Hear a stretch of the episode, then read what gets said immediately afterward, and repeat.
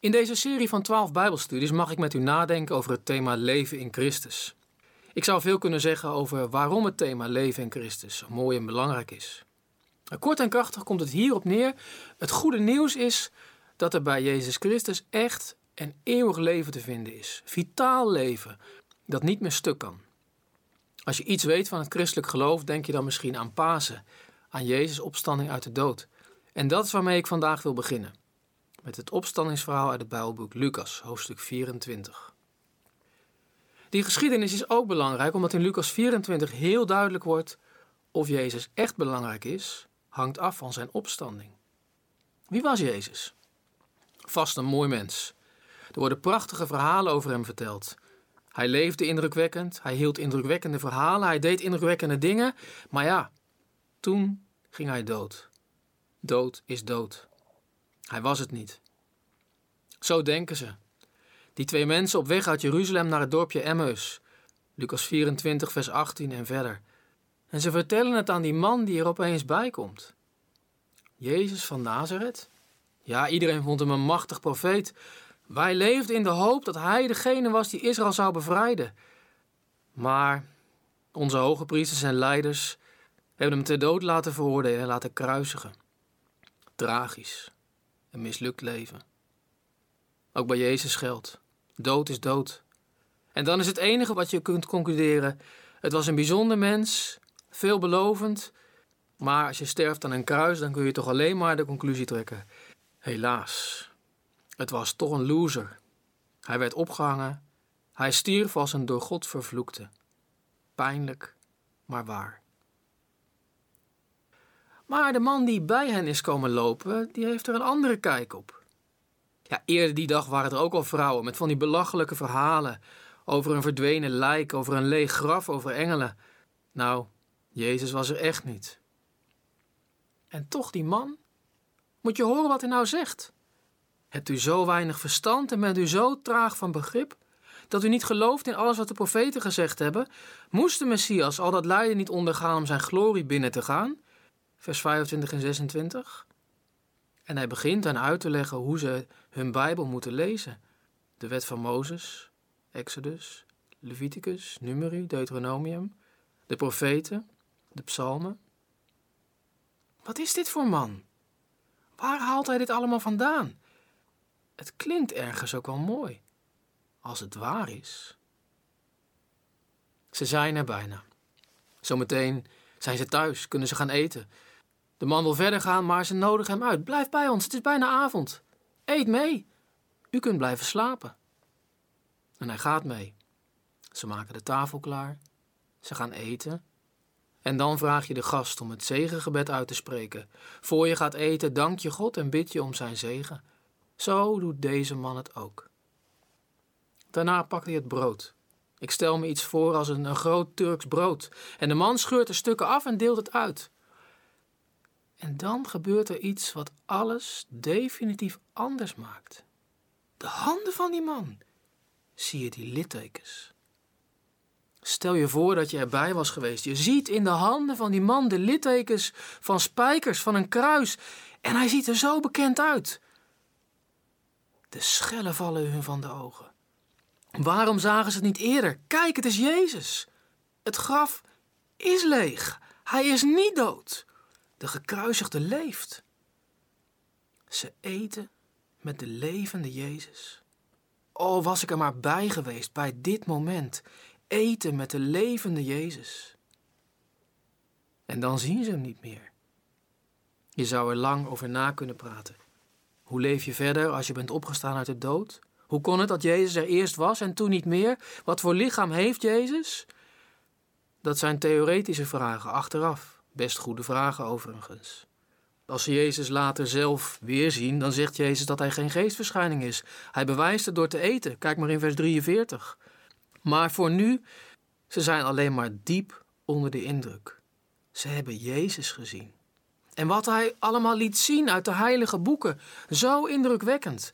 Het enige wat ze kunnen doen is terugrennen naar Jeruzalem, waar ze net vandaan komen, naar hun vrienden, de andere leerlingen van Jezus.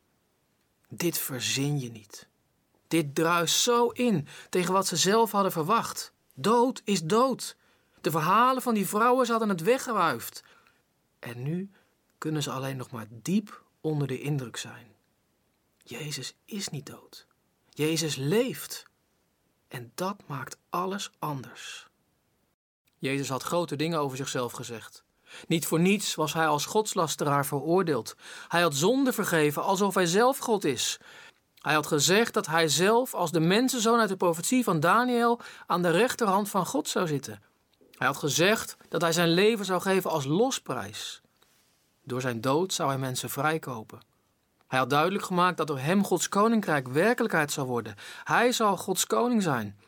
Door zijn dood komt er een nieuwe bevrijding uit de slavernij, nieuwe vrijheid, een nieuw verbond met God. Zijn dood en opstanding, het begin van een proces met een geweldige uitkomst. Vrede op aarde, vergeving van zonde, mensen en God weer met elkaar verzoend. Jongens, jongens, dat zijn grote pretenties. C.S. Lewis zegt dat Jezus of een leugenaar was, of een krankzinnige, of het is inderdaad waar wat hij zegt. Het vonnis van de Joodse en de Romeinse leiders was helder. Gevaarlijke pretenties van een leugenaar, een godslasteraar, een opstandeling. En de straf was ook helder: een doodsvonnis. En dan is de conclusie: zijn verhalen over Gods koninkrijk zijn dus lege praatjes. Maar opstanding uit de dood betekent hier: het doodsvonnis wordt teruggedraaid. En wie kan doden levend maken? Dat kan God alleen. God heeft deze gerechtelijke dwaling rechtgezet. Jezus was niet iemand die zichzelf overschreeuwde, maar hij sprak de waarheid. Als Jezus is opgestaan uit de dood, dan heeft dat zoveel gevolgen. Alles ziet er anders uit in het licht van Jezus' opstanding. In deze serie Bijbelstudies ga ik uit van de diepe overtuiging dat Jezus is opgestaan uit de dood. En dat betekent dat alles in het licht van Jezus' opstanding staat en dat alles er anders uitziet. Herkent u dat? Stel dat je een kind kwijt bent. Overal zoek je en nergens kun je het vinden. Waar zou het zijn? Zou er iets ergs gebeurd zijn? Een ongeluk? Iemand die het iets heeft aangedaan? En je haalt je al van alles in je hoofd. De wereld wordt zwart. En dan, na lang zoeken, wordt het gevonden. Levend. Wat een opluchting. Alles ziet er anders uit na dit positieve bericht. Als Jezus is opgestaan, ziet ook alles er anders uit. Ga maar na. En hier is het verschil veel groter, want als Jezus weer leeft, heeft dat zulke grote gevolgen. Als Jezus is opgestaan uit de dood, dan zegt God dat Jezus de waarheid sprak. Wat Jezus gezegd heeft over Gods koninkrijk, over God die onze Vader wil zijn, is waar. Via Jezus wordt Gods koninkrijk werkelijkheid. Dat is ook de conclusie die Petrus vijftig dagen later trekt op het Pinksterfeest in Jeruzalem. Laat het hele volk van Israël er daarom zeker van zijn dat Jezus, die u gekruisigd hebt, door God tot Heer en Messias is aangesteld. Kijk maar in het Bijbelboek Handelingen, hoofdstuk 2, vers 36. En dat bepaalt voor Jezus' leerlingen vervolgens het perspectief. Voor christenen is Jezus' opstanding met Pasen de gebeurtenis die alles anders maakt. Vanuit deze gebeurtenis lees je nu de Bijbel. Jezus zegt het zelf in Lucas hoofdstuk 24, vers 46 en verder. Er staat geschreven dat de Messias zal lijden en sterven, maar dat hij op de derde dag zal opstaan uit de dood en dat in zijn naam alle volken opgeroepen zullen worden om tot inkeer te komen, opdat hun zonden worden vergeven. Als Jezus is opgestaan uit de dood, is de dood niet meer het einde van alles. Want als er ook vergeving van zonde is, dan betekent dat volgens de Bijbel de doden kunnen weer levend worden. En de duivel, de verpersoonlijking van het kwaad, heeft geen grip meer op ons. Dat is de onvoorstelbare boodschap van Jezus' opstanding. De machten van het kwaad zijn verslagen. De zonde, de dood en de duivel. En dus is er hoop. Is de toekomst weer open? Krijgt het leven weer zin? Tegelijk is er iets raars aan de hand. Het volk Israël verwachtte de opstanding van het hele volk. Waarom is er maar één mens opgestaan uit de dood? En waarom is die ene opgestane mens maar een paar keer verschenen en verder onzichtbaar gebleven? Dat is precies waarom Jezus' leerlingen het in de Bijbel hebben over in Christus zijn. Dat hoop ik in deze serie Bijbelstudies duidelijk te maken. Jezus' opstanding is nog maar het begin. De God van Israël heeft grote plannen voor de hele wereld, voor alle volken. Het goede nieuws over Jezus moet naar alle mensen toe. En dan, pas dan zal Jezus terugkomen en zal alles nieuw worden. Wat zie ik daar naar uit?